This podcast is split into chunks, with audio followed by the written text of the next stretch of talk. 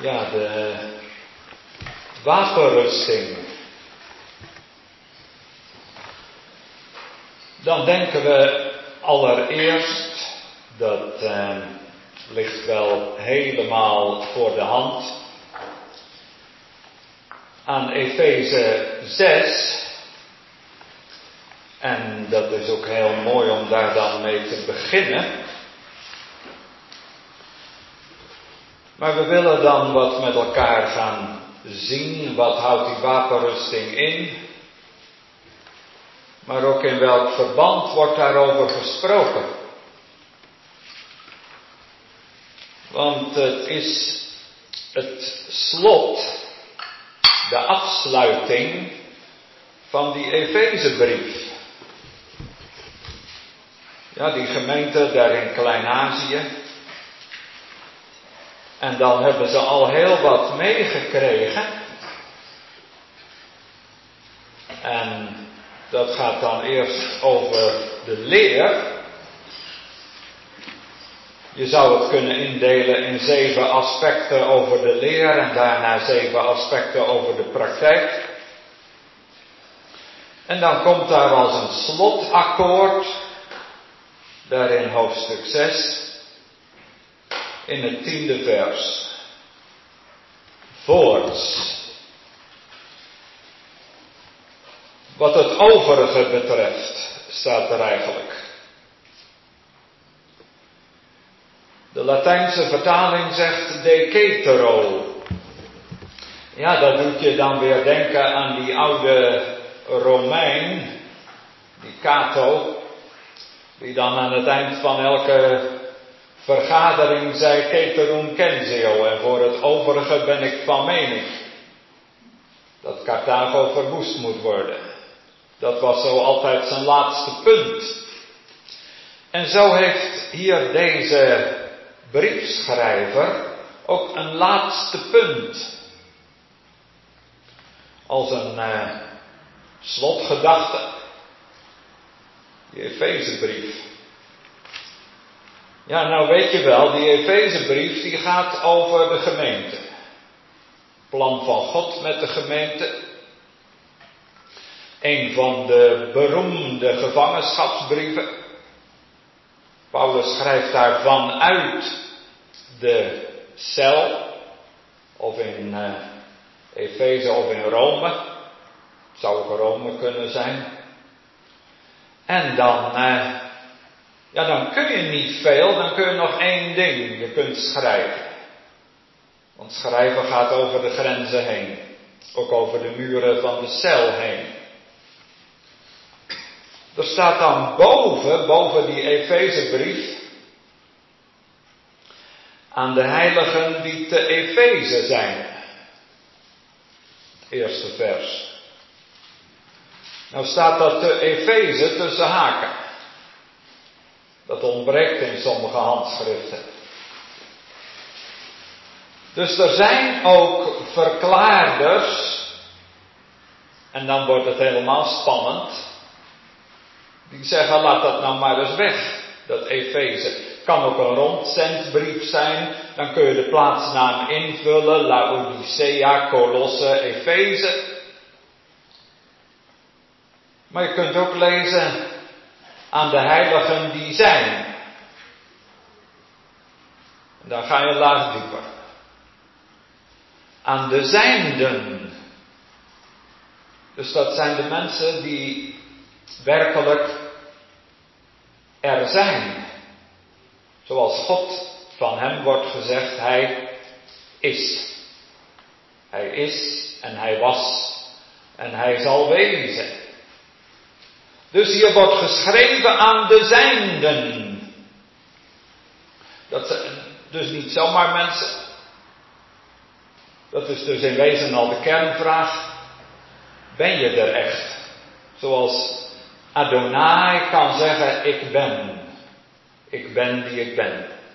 Zoals Jezus in het Johannes-evangelie ook elke keer zegt, ego eimi, ik ben.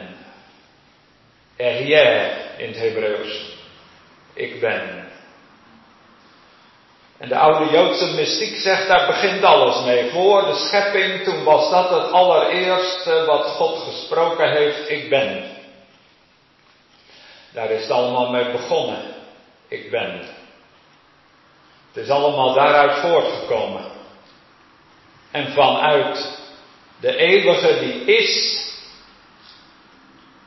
mogen wij zijn. Kijk, en dat is nou de hele strijd.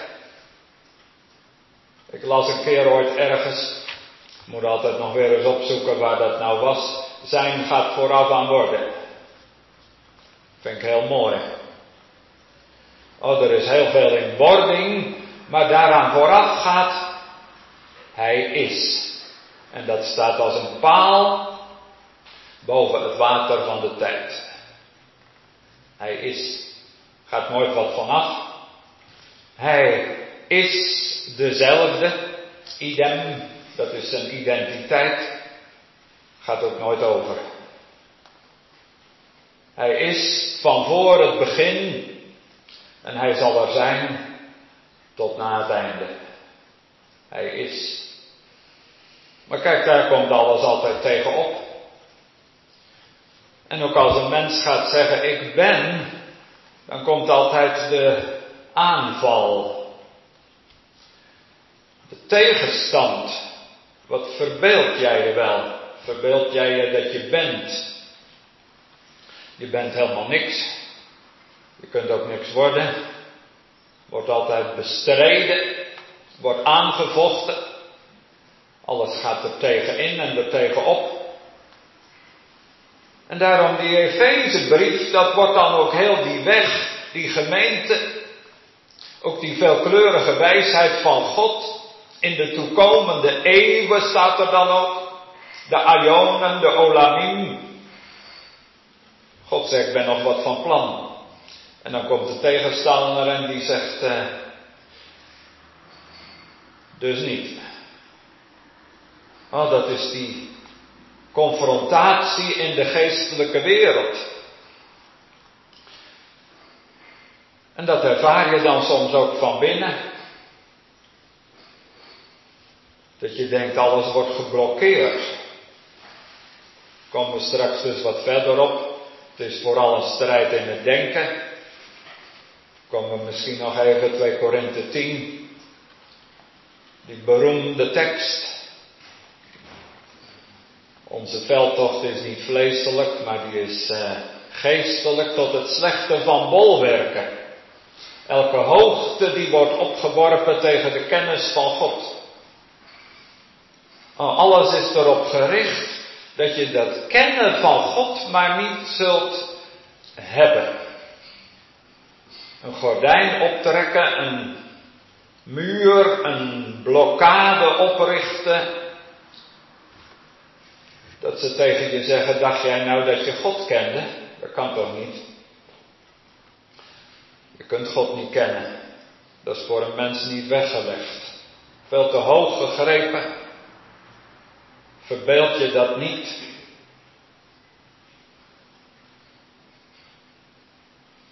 Zo zeiden ze dat vroeger dan ook wel. Met begrijpen zal het niet gaan, neem het onbegrepen aan. En dan het elfde gebod, stop met denken. Gij zult niet denken. En dan komt Paulus en dan komen al die schrijvers, die profeten en apostelen en die zeggen, denk nou maar wel. Maar je moet wel je denken omgorden. Zegt Petrus ook, omgord de lendenen van uw verstand. Dat is mooi. 1 Petrus 1 vers 13. Omgord de lendenen van uw verstand. Dus dat betekent niet dat je ophoudt met denken.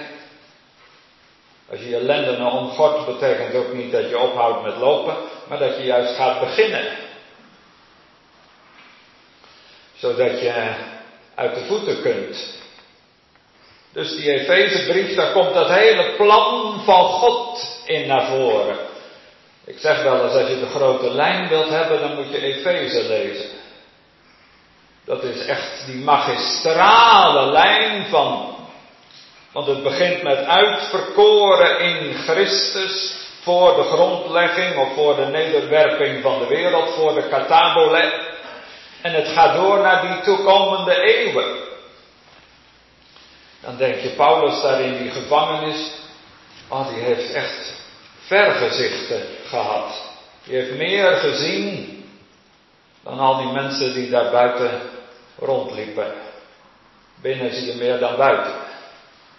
En dan heeft hij dat daar opgeschreven en dan zegt hij, nou ga ik het heel ver ophalen. Toen ik hierheen reed, moest ik daar nog aan denken dat eh, als A.H. de Hartog zijn afscheidspreek houdt in 1917 in Haarlem, dan zegt hij ook, ja, dan heeft hij daar zeven jaar gestaan. Hij zegt, en we moesten het heel ver ophalen uit de afgronden van de eeuwigheid. We moesten helemaal teruggaan naar voor alle tijden. En soms heb je dat gewoon weer nodig. Want dan denk je, oh, het is af en toe zo benauwd en dan uh, kun je het van binnen ook wel eens hebben. Dan heb je het niet breed. Dat, uh, dat is dan ook een stuk ervaring. Dat is de bevinding. Oh, dan uh, denk dat dit ook een uh, gevaarlijk onderwerp is vanavond. Van de week dacht ik ook, wil helemaal niet. Dan denk je, kijk, daar heb je het al. Moet je ook niet over Efeze 6 gaan praten. Want dan haal je het allemaal um, dan roep je het over je af. Ja, dan begint het. Dan beginnen ze allemaal te sputteren. En dan eh, beginnen al die tegenkrachten te rebelleren.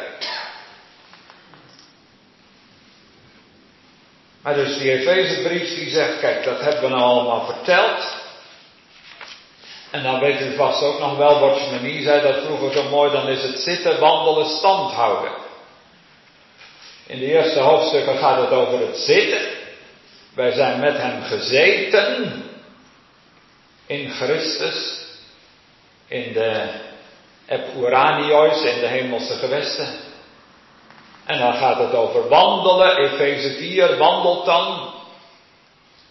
En dan in Efeze 6, stand houden.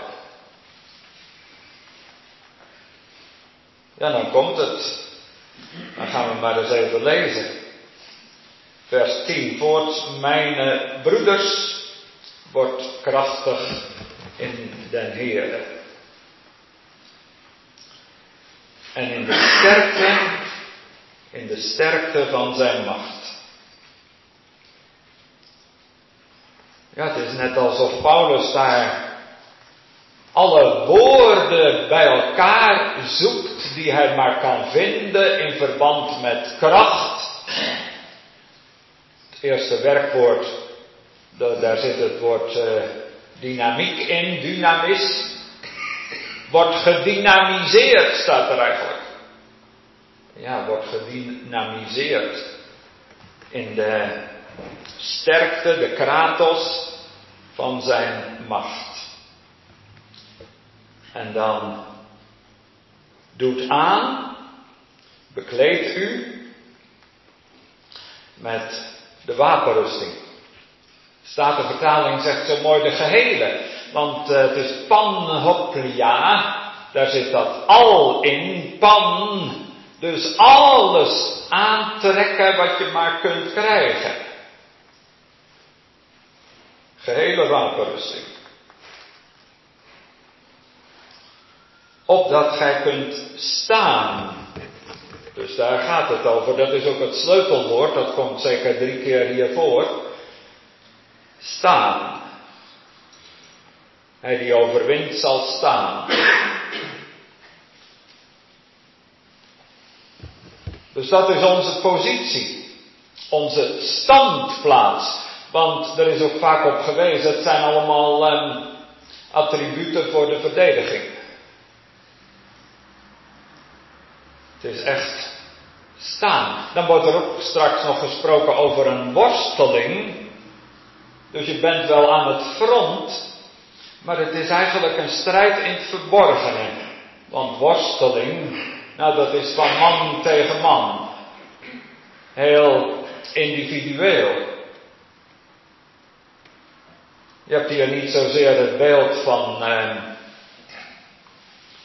een groot leger en een eh, enorm gevecht met allemaal troepenmachten, maar worsteling. En dan waartegen, zegt vers 11, tegen de listige omleidingen van de diabolos, de methodia's, ons woord methode, de methodieken zou je zeggen. De tactieken. En dan diabolos. Ja, dat kennen wij dan natuurlijk als het woord duivel, maar diabolos dat is eigenlijk de uiteenwerper. De chaotiseur. En als je dan bedenkt dat de gedachten het strijdveld zijn, het slagveld, dan begrijp je ook wat dat betekent. Hij probeert je gedachten uiteen te werpen. Dan heb je het net bij elkaar. En dan denk je, nu ga ik langzamerhand wat zien van dat grote goddelijke verband. Hij die vanaf het begin, staat zo mooi in Jezaja 46, kwam ik van de week nog tegen dat God vanuit het begin het einde tevoorschijn brengt. Vanuit het begin maakt God het einde. Dus God heeft dat begin, en, en zo doet hij dat eigenlijk altijd. Vanuit die eerste dag komt heel de schepping. Vanuit dat ik ben komt heel de kosmos. Vanuit dat begin de Christus komt die hele gemeente. Vanuit die eersteling komt dat hele volk. Vanuit het begin maakt God het einde. Dus als God nou het begin heeft, geeft God één vinger en dan komt de hele hand. Maar dan denk je, oh nou heb ik het echt een beetje te pakken en, en ik begin het wat te zien, dat grote geheel, die harmonie aller dingen, die, dat kosmische totaal waar God mee bezig is om dat te realiseren. Die blauwdruk, wat Mozes gezien heeft op de berg, zie toe dat gij alles maakt naar het model, dat toch niet, dat oermodel, en dan begin je het wat uh, te zien en je bent er helemaal verrukt van. En dan komt die diabolos en die probeert het uit elkaar te werpen. En die zegt, nou hier een stukje, daar een stukje.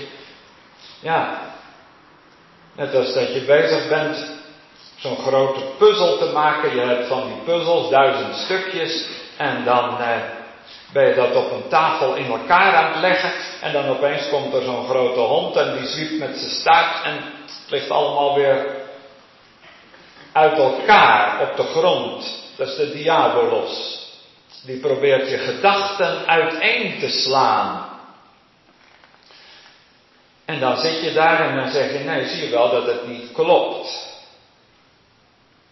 Zie je wel dat het eh, allemaal eh, niet in elkaar past. En dan eh, lees je de krant en je leest nog een krant en je leest allerlei eindtijdvisies. En dan, kijk, dat is Babel. De diabolos, dat is je zou kunnen zeggen, de vorst van Babel, die de verwarring brengt. De verwardheid van je denken. Daarom staat er ook, komen we straks nog op, trek uit Babel. Maar dus, vers 12 zegt dan, want wij hebben de strijd, de worsteling en dat woord palen, hè, worsteling in Grieks, oh, dat hangt samen met een werkwoord. Dat betekent eh, stof. Stof doen opwaaien dat. eh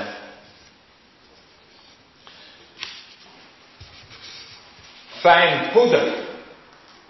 Nou, dus dat, dan ga je borstelen, zelfs zo dat dat stof opwaait en dan. Ja, dat is dus ook een heel persoonlijke confrontatie. Net zoals Jacob worstelde in de nacht. Voel je, kijk die worsteling. Dan ben je op weg naar je nieuwe naam. Dan ben je op weg naar je zonsopgang, want als hij geworsteld heeft, dan staat er en de zon ging over hem op toen hij door Priel was getrokken. En dan heeft hij eh, God gezien, dan zegt hij, ik heb Elohim gezien, panim el panim, aangezicht tot aangezicht. Kijk, en dat is die worsteling waar we in zitten, op weg naar de morgen. Naar de dageraad. Naar de de zonsopgang. Dat die morgenster zal opgaan, Jezus Christus. Oh, dat we zicht krijgen op Hem. Niet tegen vlees en bloed, zegt vers 12. Ja, mensen zijn nooit onze vijanden. Ook al lijkt dat soms wel, maar we strijden niet tegen mensen. Dus dat uh, is goed ook elke keer weer te bedenken. We strijden niet tegen uh, mensen met allerlei ideeën en gedachten. Nee, we zitten op een ander niveau. We strijden tegen de overheden, tegen de machten de autoriteiten en de wereldbeheersers, de cosmocratores. Dat zijn de beheersers van deze kosmos. En uh, in dat verband mogen we ons bewust zijn dat er één is, die is de albeheerser. De pantocrator, zo wordt hij in openbaring ook elke keer genoemd, de albeheerser. Maar die wereldbeheersers, ja, die, die maken dat systeem hier, die uh, proberen de hele wereld te blokkeren. Dat het plan van God er niet doorkomt. De duisternis van deze eeuw. De geestelijke boosheden in de lucht of de boze geesten in de hemelse gewesten. Dan zie je, er is ook een strijd in die tussenwereld. In die wereld tussen de aarde en de uiteindelijke troon van God. De Joodse traditie zegt ook, er zijn zeven hemelen. En daar ergens, in openbaring wordt dan ook gezegd, in die midhemel, oh daar speelt zich ook die strijd af. Dat zijn dus die kruispunten in de geestelijke wereld. En daarom, vers 13, Neem de gehele wapenrusting Gods. Neem dan die uh, panoplie aan. Die moet je aannemen. Opdat gij kunt tegenstaan, letterlijk anti-stenai, in de boze dag. En alles gedaan hebbende te staan. Dus nu hebben we al drie keer dat staan. Boze dag. Nou, dat is dus de dag waarin uh, de boosheid opkomt, marcheert, zich gereed maakt, de krachten gaat bundelen. Dagen zijn kwaad. Staat ook in Efeze 5. En als je dan alles verricht hebt, om dan nog te staan. En dan begint vers 14, staat dan. Dus dat is voor de vierde keer dat woord staan. Staat dan. Kijk, en dan komen de onderdelen van die wapenrusting en nou wordt het helemaal uh, interessant, want dan krijg je zes verschillende attributen. Er is wel gezegd waarom niet zeven. Was natuurlijk wel heel mooi geweest. Maar in feite is zes toch wel heel goed van toepassing, want zes is het getal van de mens. En zes is ook het getal van deze wereld waarin we nog verkeren. Zeven, dat is de Shabbat. Oh, dan is de strijd voorbij. Daarom geen zeven. Want als de strijd voorbij is, zongen we dan vroeger, dan erven wij een kroon, dat hopen we. Maar nu in deze eeuw is daar nog dat zesvoudige. En dan begint het met uw lendenen omgord met de waarheid.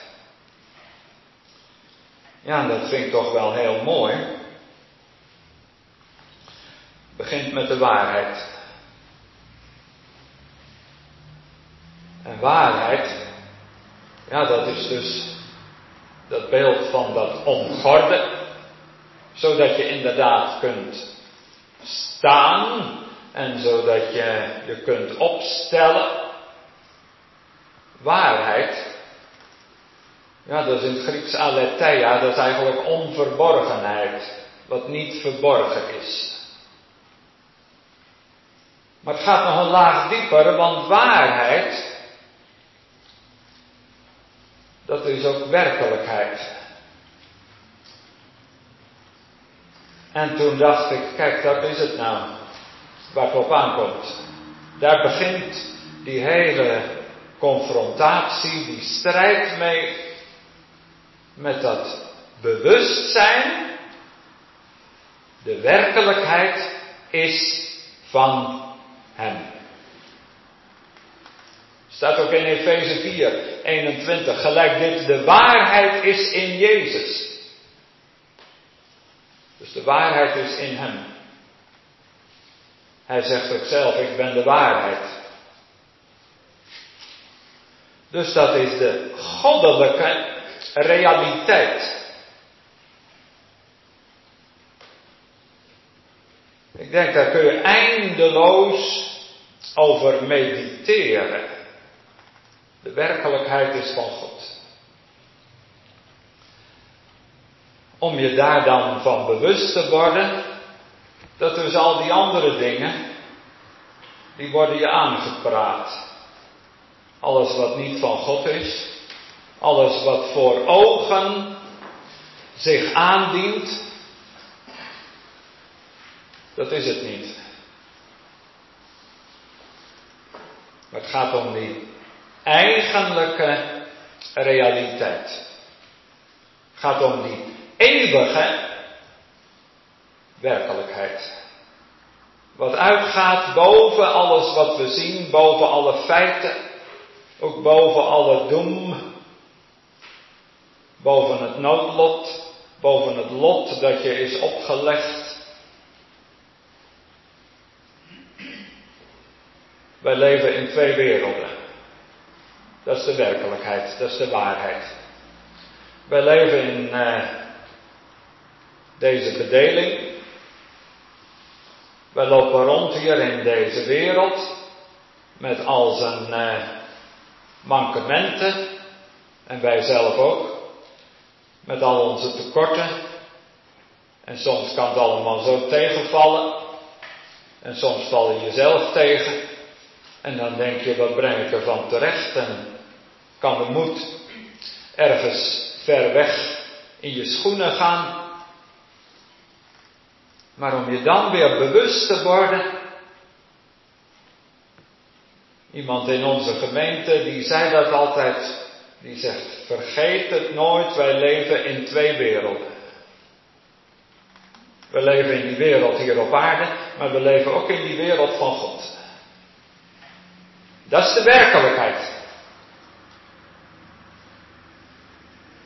Oh, dat is de, de, de realiteit. Daar gaat het om. Ik was daar van de week wat mee bezig en ik vond weer een prachtige toespraak die van de berg van IJzinga hield over de waarheid zal u vrijmaken. Kijk, de waarheid.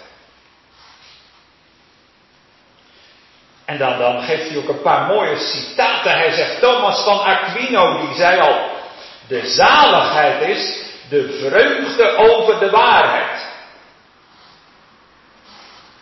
Moet maar eens onthouden. Dat is de zaligheid, de vreugde over de waarheid.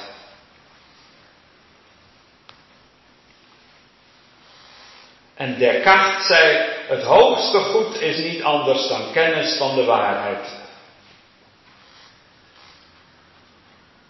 Dat, eh, dat is waar het in wezen om draait. Zou die hele toespraak kunnen voorlezen. En dan denk je, kijk, dat is het. Waarheid staat niet tegenover ons denken, maar dat, eh, dat is de inhoud van ons denken. De waarheid die wij zelf mede beleven en zijn.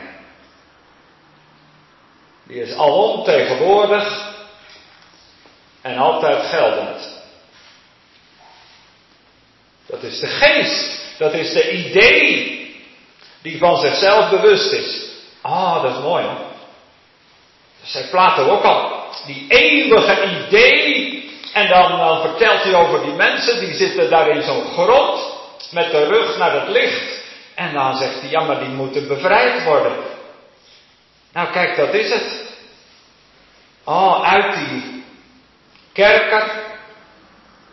De waarheid is alom tegenwoordig en altijd geldig. De waarheid is eeuwig. Die was er al voordat de duivel er was. De waarheid, oh daar is het mee begonnen. Jeremia zegt zo mooi, de Heere God, die is de waarheid. Voel je? Ah, dat is iets om uh, is heel diep over door te denken. De waarheid heeft geen begin en geen einde, die is oneindig. Nou, daarom zegt Paulus, kijk, als je nou begint met die wapenrusting, omgord met de waarheid. Nou, daar kan de leugen niet tegenop.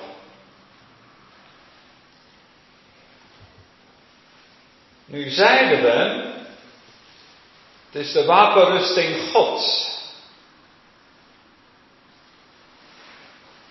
Nou, Paulus gaat daar dus over spreken in het kader aan het eind van die hele Efezebrief. Als hij daarmee bezig is, die gemeente, oh, die moet, uh, die moet wat meekrijgen. Die moet het volhouden. Wapenrusting Gods. Waarom nu wapenrusting van God? Want voordat we nu verder gaan met die andere vijf onderdelen, moet ik dat toch even tussendoor aan de orde stellen. Want stel je voor dat we daar niet aan toe komen. Waar heeft Paulus het vandaan? Want het komt al uit de profeten. Met name uit de profeet Jezaja, hoofdstuk 59. Dus even een kleine excursie, want in Jesaja 59, dan zie je ook dat het inderdaad van God is. En dan. Eh,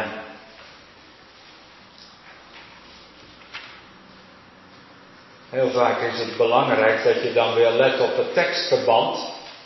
Want Jezaja 59, nou dan zijn we al een heel eind gevorderd in dat boek Jezaja. En dan hebben we de terugkeer gehad uit Babel. En dan in hoofdstuk 59, dan zijn ze weer in Sion, in de stad van God. Alleen, het wil niet erg. Er is heel veel moeite en er is ook heel veel afbraak en de opbouw wil maar niet. Ze zitten in feite te midden van de ruïne. En dan in Jezaja 59. Je zou dat hele hoofdstuk dan maar eens moeten bekijken. Dan eh, staat er in vers 15. Ja, de waarheid ontbreekt. En wie van het boze wijkt, stelt zich tot een roof. En de Heere zag het, en het was kwaad in zijn ogen dat er geen recht was. In vers 14 stond ook al, de waarheid struikelt op de straat. En dan vers 16, omdat hij zag dat er niemand was. Er was geen man. Zo ontzette hij zich, omdat er geen voorbidder was. Geen tussentreder. En wat dan? Dan kijkt de Heere God rond en er is niemand, er is geen man. Er is niemand die op de bres staat. Een heel eh, donkere periode. Je zou zeggen, eindtijd. Alles somber. Alles eh, destructie. Wanorde. Goddeloosheid. En dan, dan staat er in het midden van vers 16, daarom bracht zijn arm hem heil aan. En zijn gerechtigheid ondersteunde hem. Dan komt daar Gods eigen kracht, zijn eigen arm, soms ook een beeld van de Heilige Geest. Letterlijk staat er wat Tosha. Zijn arm maakte voor hem ruim baan. Oh, dat is het evangelie van Jezaja. En dan vers 17, want hij trok gerechtigheid aan als een panzer en de helm van het heil op zijn hoofd. En de klederen van de braak trok hij aan tot kleding en hij deed de ijver aan als een mantel. Zie je dat? De wapenrusting. En wie trekt hem aan? God zelf. Daarom de wapenrusting Gods.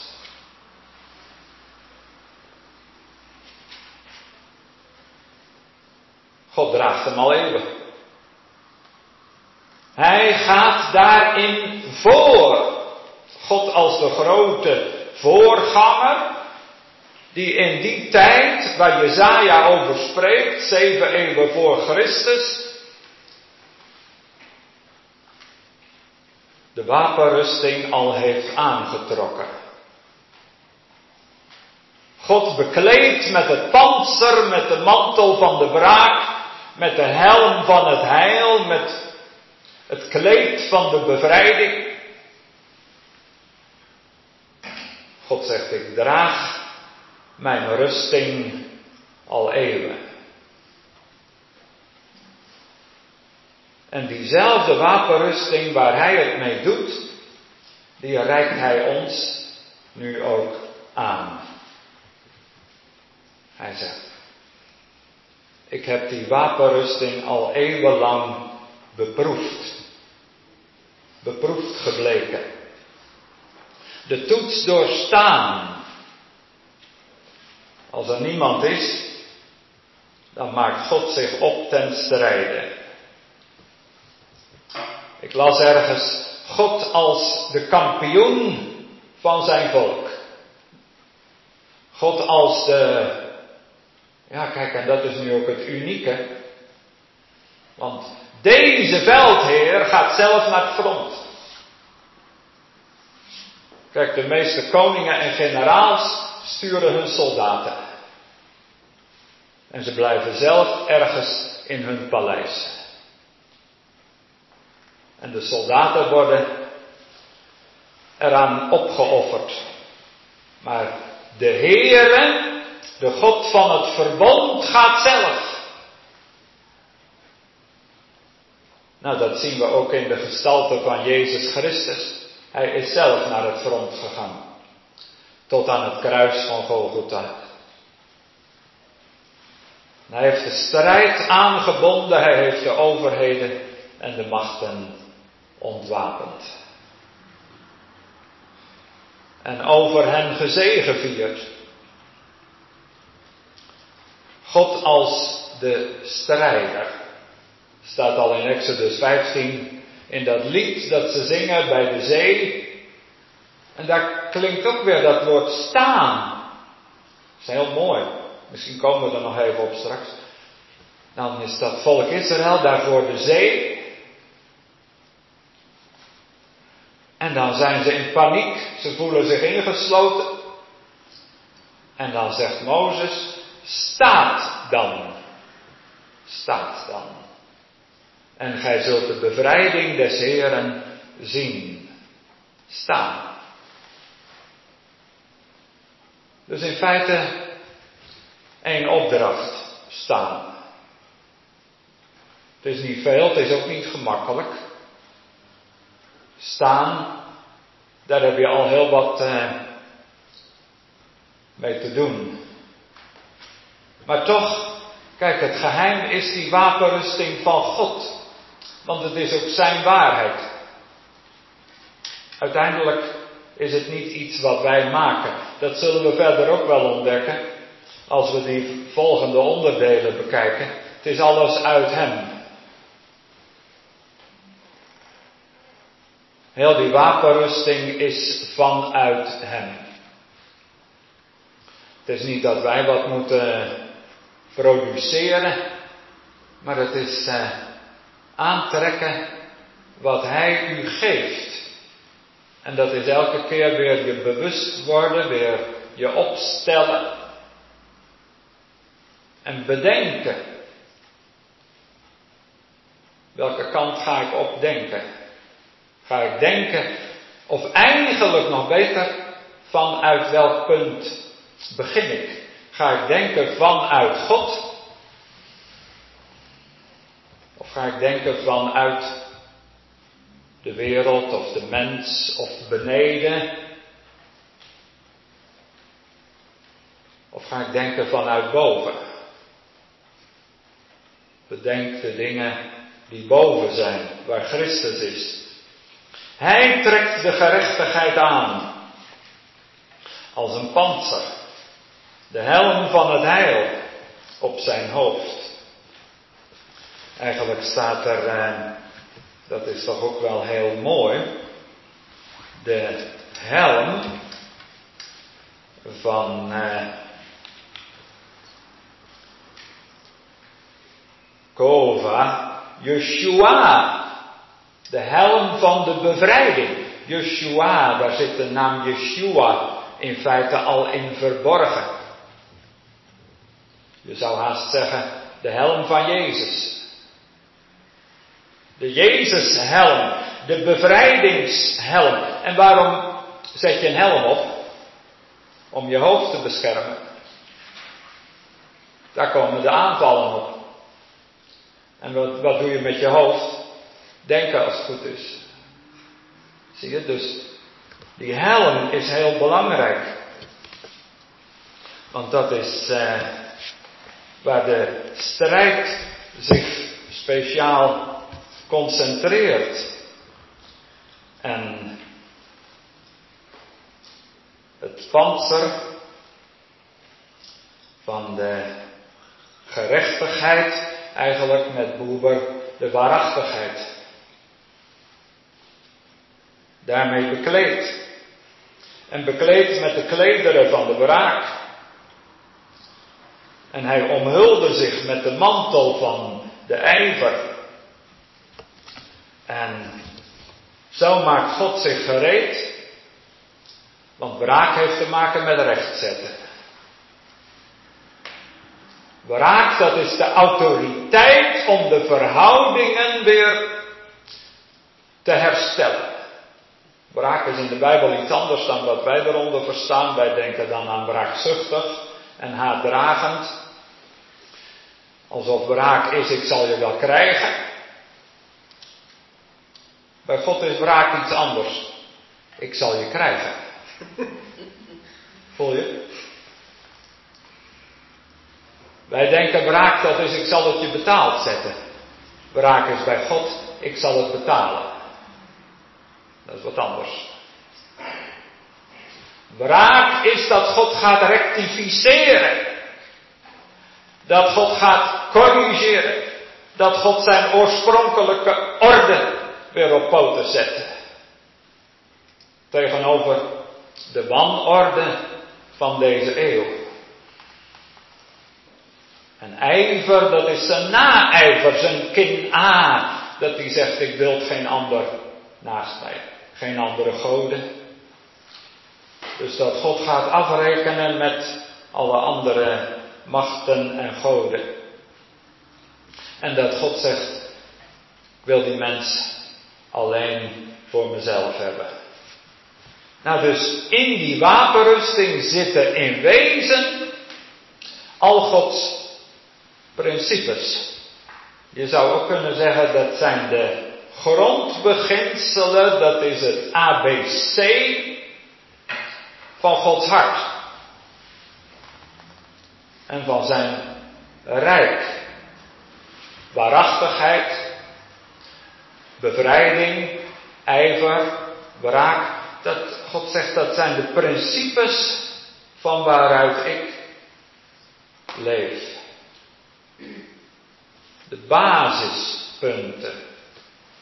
En uiteindelijk kun je zeggen dat samen, als je al die onderdelen van die wapenrusting van God optelt, dan heb je Gods karakter. Zo is Hij. Hij doet nooit iets wat hij niet is. Wat hij aantrekt, dat is in feite wat hij van huis uit is. Dat hoort bij hem. Dat, dat past ook helemaal. Dat zit hem als gegoten. Dus God bekleedt zich met zijn eigen kwaliteiten. Met andere woorden, die wapenrusting, als dat nu Gods karakter is, waar loopt uiteindelijk de hele duisternis op stuk op dat karakter van God? Want God is karaktervast.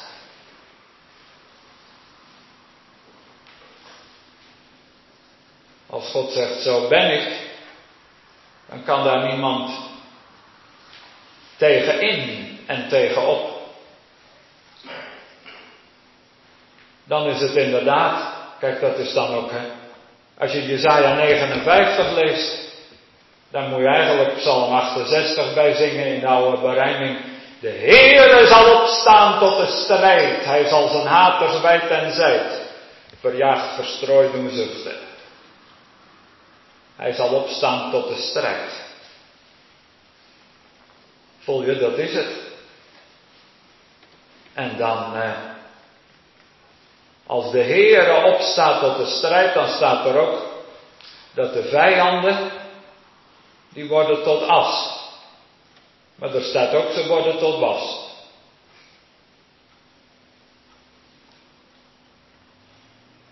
En voel je dat daar toch ook een geweldige zegen in zit? Want de Romeinen zegt ook toen we nog vijanden waren. Toen is Jezus Christus voor ons gestorven. Toen we vijanden waren. En wat gebeurt er nou? Je was een vijand van God en wat ga je nou worden? Was. Was in zijn hand. Zo zacht als was maar kan wezen. Nou, dan heb je geen vijandschap meer.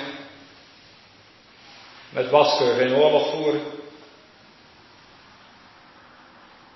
Was kan zijn vuisten niet meer ballen. Was kan niet meer zeggen, en nou kom ik in opstand. Dat kan alleen maar in gesmolten toestand zich neerleggen en zeggen, hier ben ik dan, wilt u me nog hebben? Ja, zegt God, daar kwam ik juist voor. Ik wou je hebben. Het goddeloze volk wordt haast tot was. Ja. Of tot as. Dan is dat vuur van de weerspannigheid uitgebrand. En dan blijft er alleen de as over. En dan zegt God, en daar ga ik nou mee beginnen. Als iedereen denkt dat is nou het einde, dat is voor mij het begin. Dus dat is gezegende was. Dat, uh, oh, dat is zalig om zo te wezen. Om zo te mogen ervaren dat je vijandschap wordt ingewonnen en dat er niets van overblijft. En dat je alleen nog maar kunt zeggen,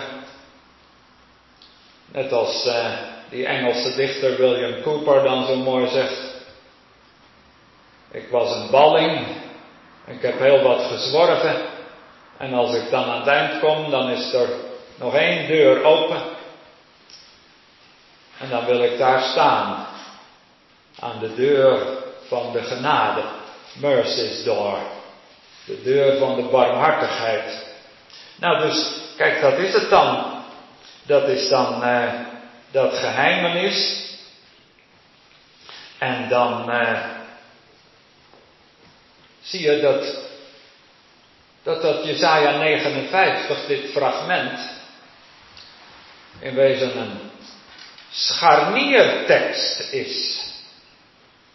Een sleutel. Want eh,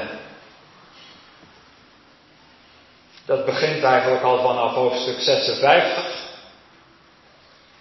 En dan elke keer heb je het gevoel, nou breekt het door en dan toch lijkt het alsof het gordijn weer dicht gaat. En dan in hoofdstuk 59, dan opeens, dan is het net alsof uh, de engelen denken, wat gaat God nu doen? En dan zie je God naar de kast lopen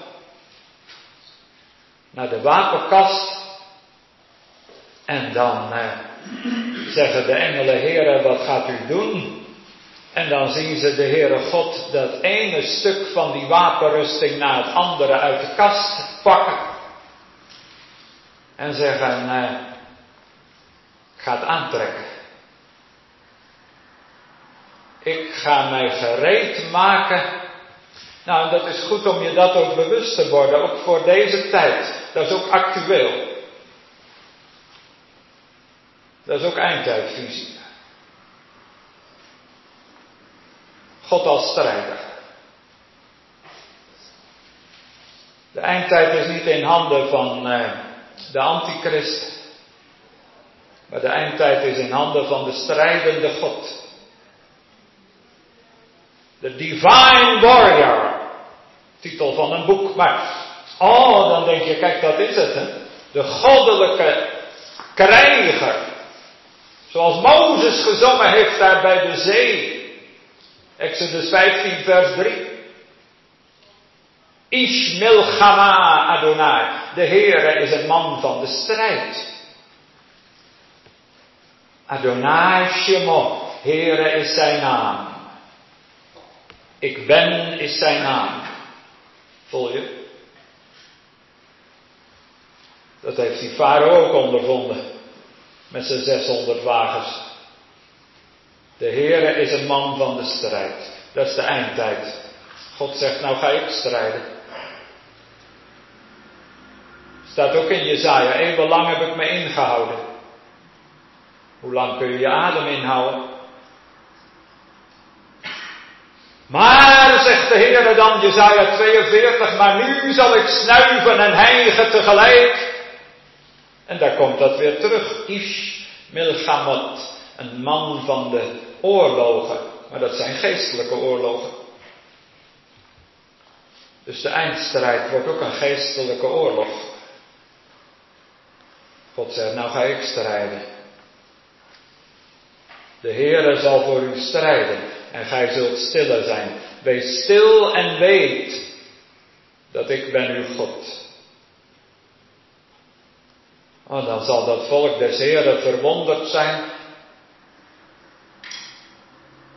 En door de genade zullen ze staan. En ze zullen zien dat de Heere zegt, het is mijn strijd. De strijd is des Heren. Dat God gaat afrekenen met zijn tegenpartij. Dat is eigenlijk ook het hele boek Openbaring. En dan denk je, oh, dat is het dan. Oh, dat het lam ten strijde trekt, wie zal zich verzetten? Oh, dat is ook onwederstandelijke genade om dat prachtige woord nog eens tevoorschijn te halen. Als de Heer het ten strijde trekt, oh, dan zegt Da Costa ook, en die 19e eeuwse zangerziener, dan ziet mijn oog de geest van kwaad moe geworsteld. Moe geworsteld, daar kun je nooit tegenop. En ontwapend, tot geen afval meer in staat. En dan kijkt God die mens aan, die meest verstokte mens, en God zegt, waar nog vechten? En die mens, die zegt, eh,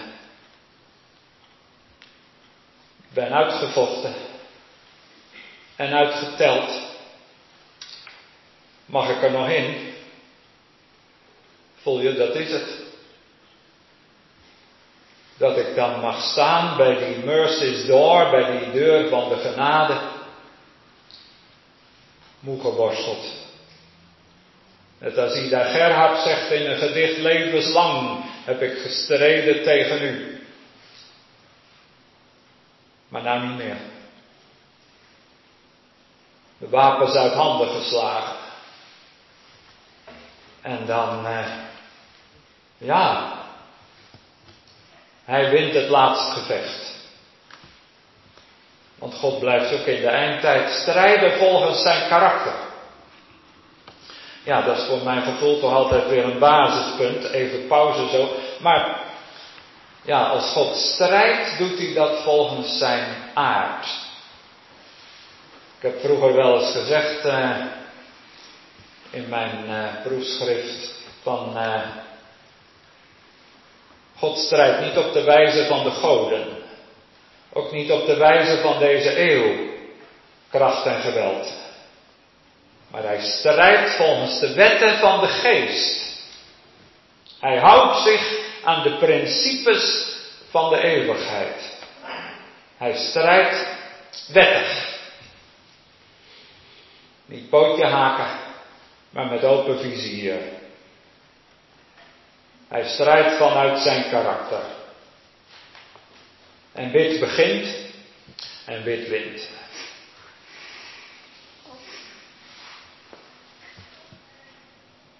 En zijn strijd zal hij voleindigen, ook in het laatste gevecht. Dat is de eindtijd. Nou, even pauze.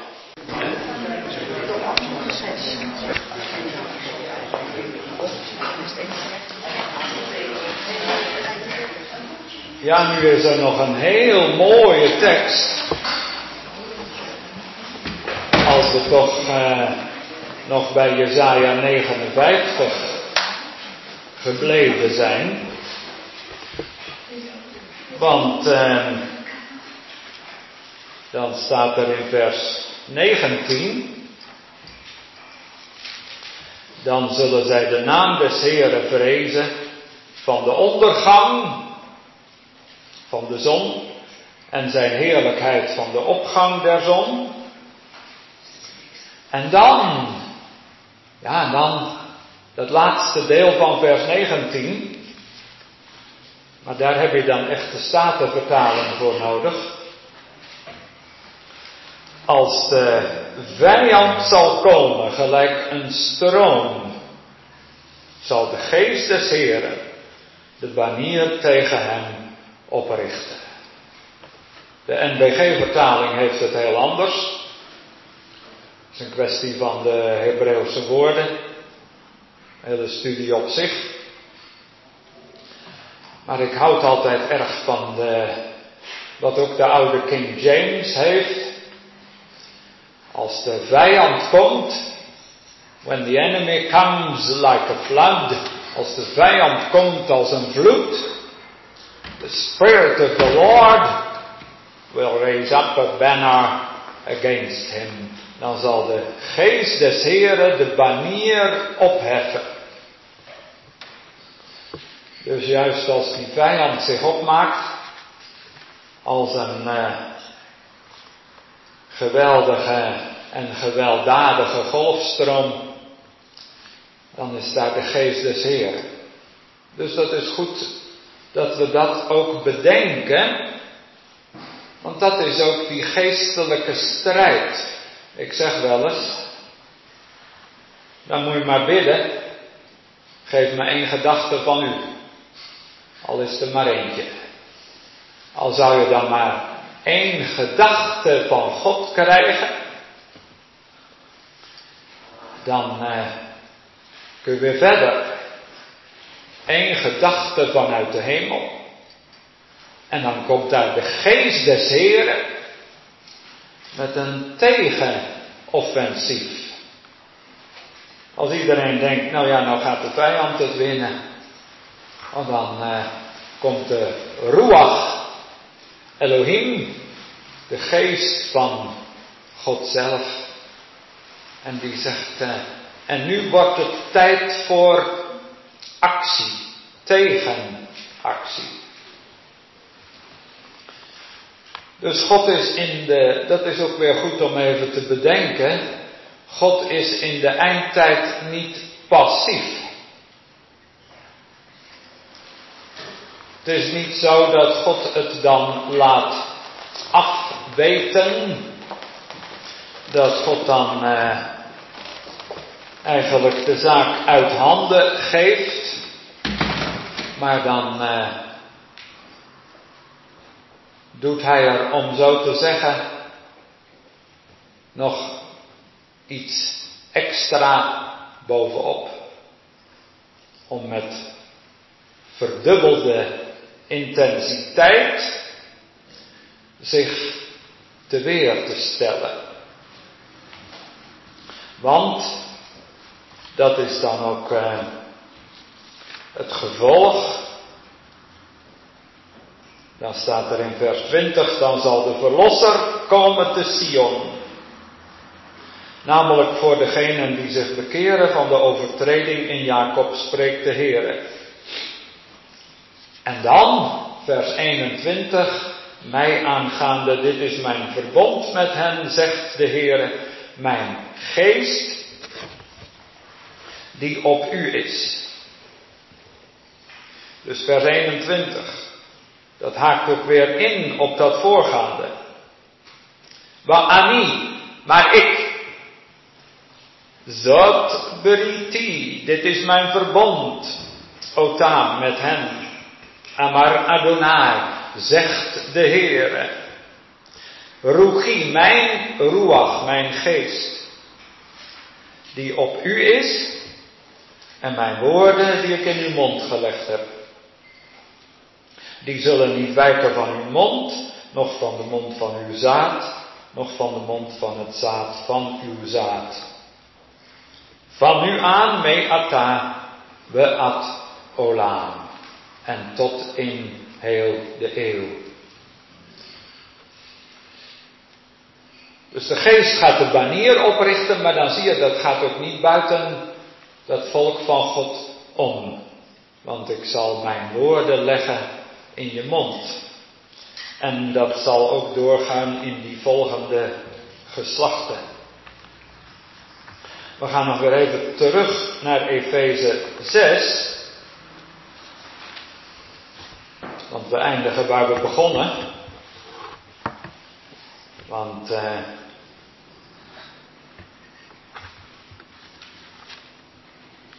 het is dus de strijd tegen die wereldbeheersers. Omdat daar iets gaat gebeuren vanuit die andere wereld. Kijk, want die wereldbeheersers, die willen alles vastleggen en vastpinnen. Wetten, natuurwetten. De wetten van de Meden en de Persen. Alles staat vast en daarmee willen ze de ballingschap in stand houden. Dat is het principe van de wereldbeheersers. Deze wereld moet blijven zoals die is. En deze wereld, dat is de wereld van de galut, dat is de wereld van de ballingschap. Dus die cosmocratores, die beheersers van deze eeuw, die willen dat deze eeuw blijft. En God zegt, ik heb een toekomende eeuw. En dan zeggen de rabbijnen, dat is de eeuw die bezig is te komen, die is al aan de gang. En die is al bezig penetreren in deze wereld. Want wij zijn van de ondergrondse. En we zijn verbonden met het hoofdkwartier. Want, zegt Paulus in Filippenzen 3, ons hoofdkwartier is in de hemel. Polytama. Burgers van een rijk in de hemel, zegt NBG. Onze wandel is in de hemel. Maar eigenlijk, wij zijn, eh, wij hebben een hoofdkwartier in de hemel. En net zoals in de oorlog luisterden naar Radio Oranje, zo zitten wij stiekem te luisteren naar die woorden van God.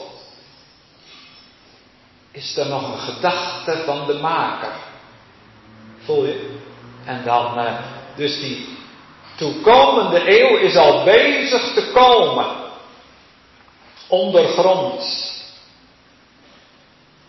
Maar die beheersers van deze eeuw, die zeggen, die ballingschap blijft.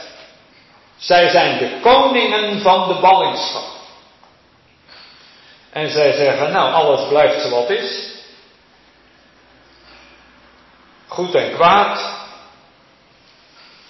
Alles gaat gewoon zo door als het altijd was. De duivel is een wezen anti-revolutionair. Die wil geen verandering. Die wil niets dat wordt losgemaakt.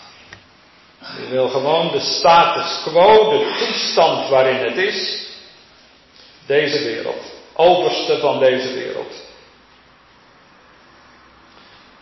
En dan die wetten, hard, breed en kwaadaardig. Dat het zwakke verliest, het zieke sterft en het oude verdwijnt. Geen pardon. En ja, dat is de dwaasheid van die beheersers.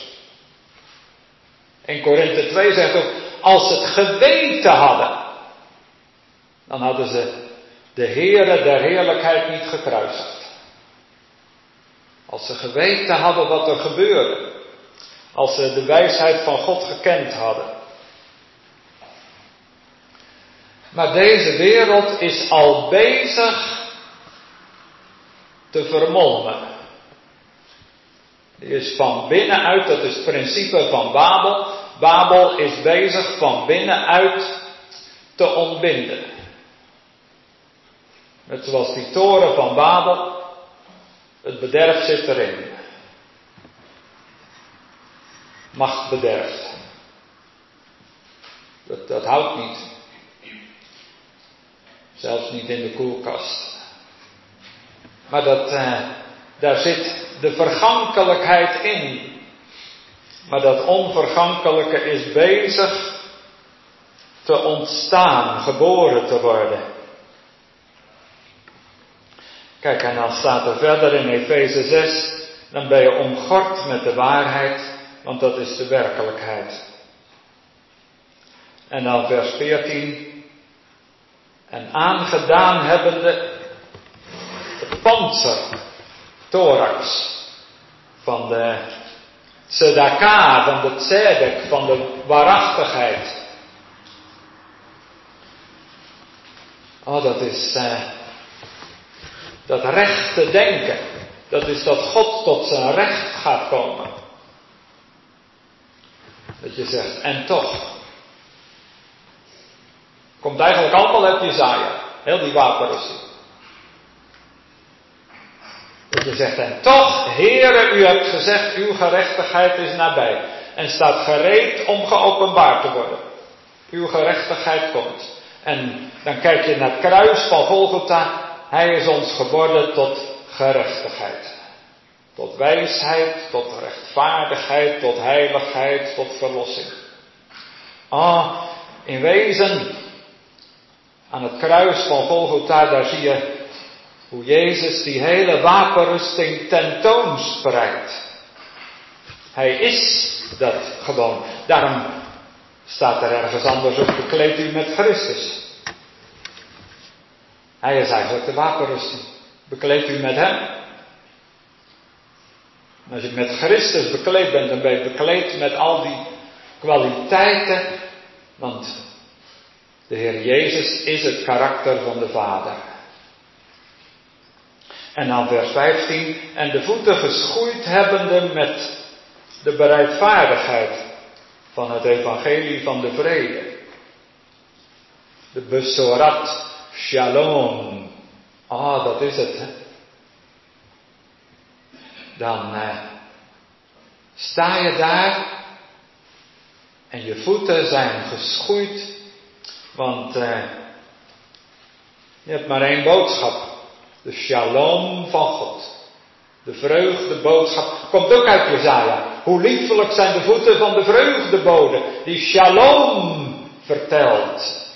Jezaja 52, vers 7. Zie je dat die hele wapenrusting, dat is eigenlijk, dat is Jezus Christus. En je kunt ook zeggen, die hele wapenrusting, dat is het troostboek van Jezaja. Dat is het troostboek. Daar komt het allemaal uit.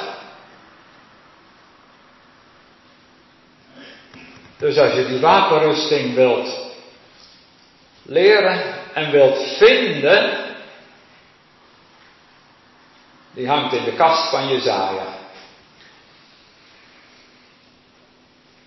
Als je die wapenrusting wilt uh, zoeken, de klerenkast van Jezaja. Daar hangt het allemaal. Daar is het uitgestald, daar is het voor u neergezet, voor u neergehangen.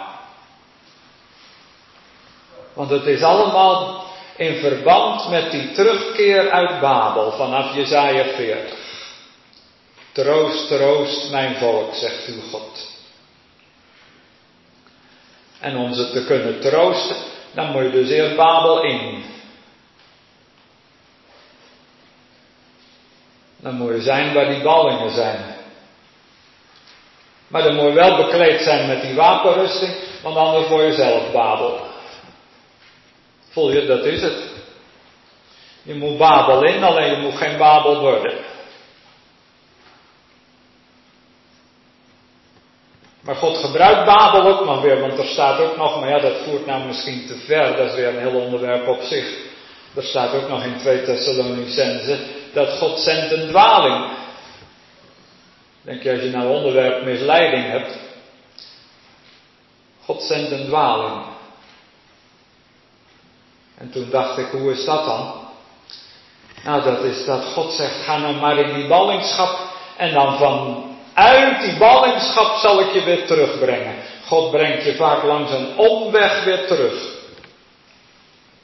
Om uiteindelijk je weer te kunnen brengen tot zijn hart. Moet je eerst ver weg geweest zijn. En via die verre weg kom je weer thuis. Gij ziet al mijn omzwervingen. Dat is ook het verhaal van Israël. Dat is ook het verhaal van al dat volk van God. Ik hoorde laatst een preek van een oude dominee. En die begon zijn preek.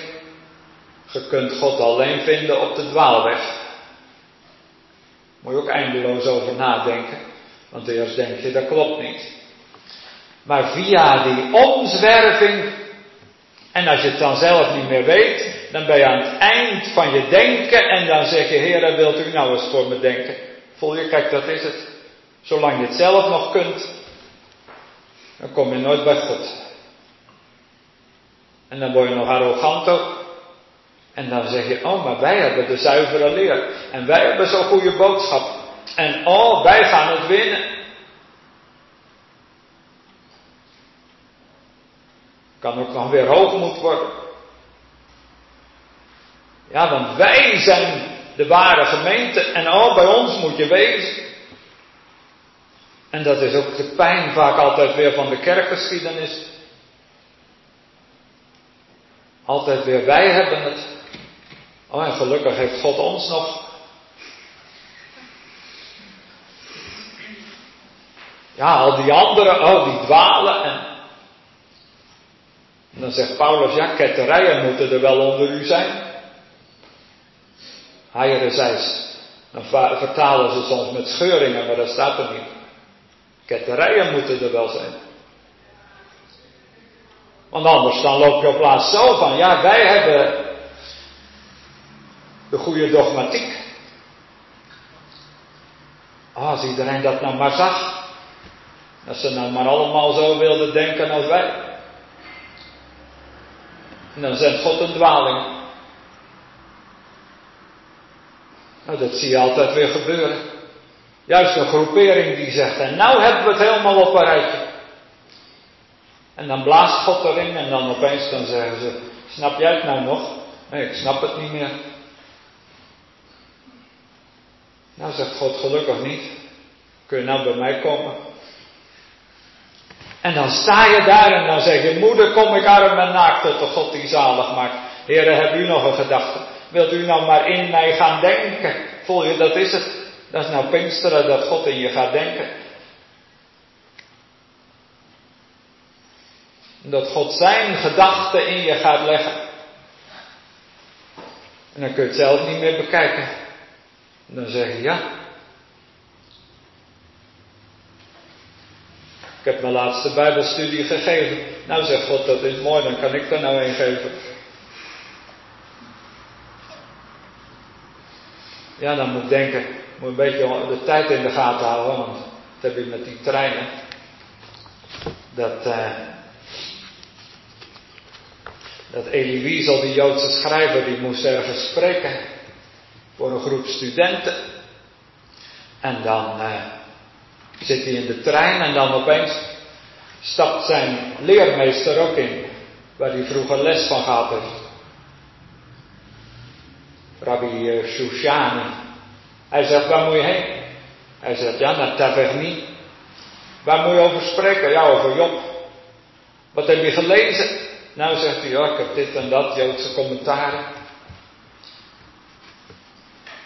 Nou, en Elie krijgt het steeds meer benauwd. En die denkt, ja, maar als die leermeester dat hoort, die weet veel meer dan ik. Hij stapt daar uit de trein en die leraar stapt ook uit de trein. Hij gaat naar die uh, school en die leraar komt daar ook. Smiddags twee uur moet hij beginnen. Hij zit daar voor die studenten en hij denkt, oh, wat moet dat nou worden? En dan opeens staat die leraar op en die zegt, zal ik het maar overnemen? Oh, dan valt er een pak van zijn hart. En die leraar, die Shushani, gaat daar staan en die zegt, eh, en kom nou maar allemaal met je vragen. Niet één voor één, maar alle vragen tegelijk graag. En over alle mogelijke onderwerpen. En dan begint hij en dan, dan haalt hij alles erbij en het wordt één groot geheel. Van ballingschap en Jeremia en thuiskomst en Job en... Kijk, dan denk je, dat is het. Als hij zelf gaat komen en dan uh, het woord gaat verklaren. Nou, dan staat er uh, in vers 16 het schild van het geloof. En met. Ja, dat is. Of emona. En bedenk nou maar eens even, dat is het geloof van God. Dat is Gods eigen geloof. Hij gelooft nog meer dan wij. En als God gaat geloven, oh dan wordt alle ongeloof verbrijzeld. Blijft niks van over. Het geloof van God. Heel Emunah is een God van geloof. En dat schild mogen we opheffen. Heren, u hebt geloof in uw schepping. U hebt geloof in uw woord. U hebt ook geloof in de volleinding. Die Engelse loodgieter die zei dat dan zo mooi, Henry Smith Wigglesworth. Dan overdag was hij bezig met uh, kranen repareren enzovoort. En dan s'avonds ging hij op huisbezoek en prediken. En dan zei hij, ik ga met mijn geloof zo ver als ik kan. En dan neemt Gods geloof het over. Ik denk, kijk, dat is het. Dan ga je met jouw geloof. En dan op een keer ben je aan de limiet, aan de grens. En dan zegt God, zal ik nou met mijn geloof het maar overnemen? Kijk, dat is nou die wapenrusting. Soms kan mijn geloof niet verder. Dan zeg ik, dit is te groot. Gaat u dat nou ook doen? Die hele schepping herstellen? Al die mensen redden? Die er helemaal niets van begrijpen? Wij begrijpen tenminste nog wat, denken we. Maar al, al die mensen, en dan zegt God, Ga nou maar met jouw geloof zo ver als je kunt. En dan neemt mijn geloof het over. Daarmee kun je al die vurige pijlen van de boze uitblussen. En dan de helm van de zaligheid. Dat is om je denken te beschermen. En het zwaard van de geest. Dat is het enige wapen voor de aanval. Dat is het woord van God. Heel klein zwaard. En dan met dat zwaard, met dat woord. Oh, daarmee zul je de vijand kunnen verslaan. Zwaard. Niet een natuurlijk zwaard, maar van de geest. Dat eeuwige woord. Soms misschien een enkel woord. Soms misschien Eén woord dat de geest in je hart legt. Spreek slechts één woord, één woord met macht. Spreek, dan keert alles ten goede. God zegt, nou dan geef ik je misschien een enkel woordje. En dan eh, moet je maar denken aan dat prachtige verhaal hè, uit Richteren 3. Die Ehud. Die man die gehandicapt was aan zijn rechterhand. Dat staat er eigenlijk. En dan heeft hij een heel klein zwaardje. Nog geen 50 centimeter. En dat doet hij eh, aan zijn eh, rechterheup. Daar zal niemand het zoeken. En dan gaat hij in het paleis van de koning van Eglon. Stiertje is zijn naam. En dan zegt hij, moet je ook opletten. Ik heb een woord gods voor u, o koning. Iedereen naar buiten, zegt de koning. En dan eh, haalt hij dat zwaardje tevoorschijn. Dat is zijn wapen. Prachtige symboliek. Nou, zo is het met dat kleine zwaard in het paleis van de vijand. En dan bidden en smeken te allen tijden in de geest. En wakende met alle gedurigheid en smeking voor alle heiligen. Nou, dat is die wapenrusting Gods. En dat staan, dat is eigenlijk het sleutelwoord, daar gaan we dan mee eindigen. Staan. Nou, dat zie je ook in al die oude beelden. Want zo werd het gezegd bij de zee in Exodus 14. Staat dan. Dat is één. Zo werd het gezegd in de strijd tegen Amalek in Exodus 17. Mozes stond daar op de heuvel. Dat is punt 2. En op punt 3 voor de toekomst, zo was het ook met Jozua toen ze door de Jordaan trokken. En die priesters, die stonden in de Jordaan. Drie keer staan.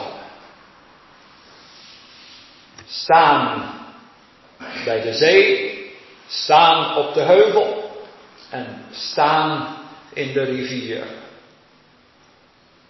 En water is tijd. Dus zo wil God ons dat geven, dat wij mogen staan in de stroom van de tijd. Staat. En dan zult gij zien. Het is zijn wapenrusting, bekleed met Christus. En dat is genoeg. De waarheid, want hij is de werkelijkheid. En al het andere gaat voorbij. Maar wat uit hem is, dat blijft. En dat zal ook tot hem zijn. Amen.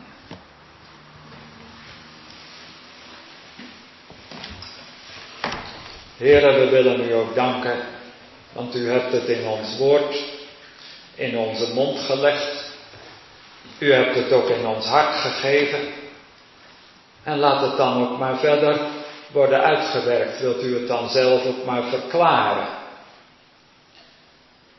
We danken u voor die wapenrusting.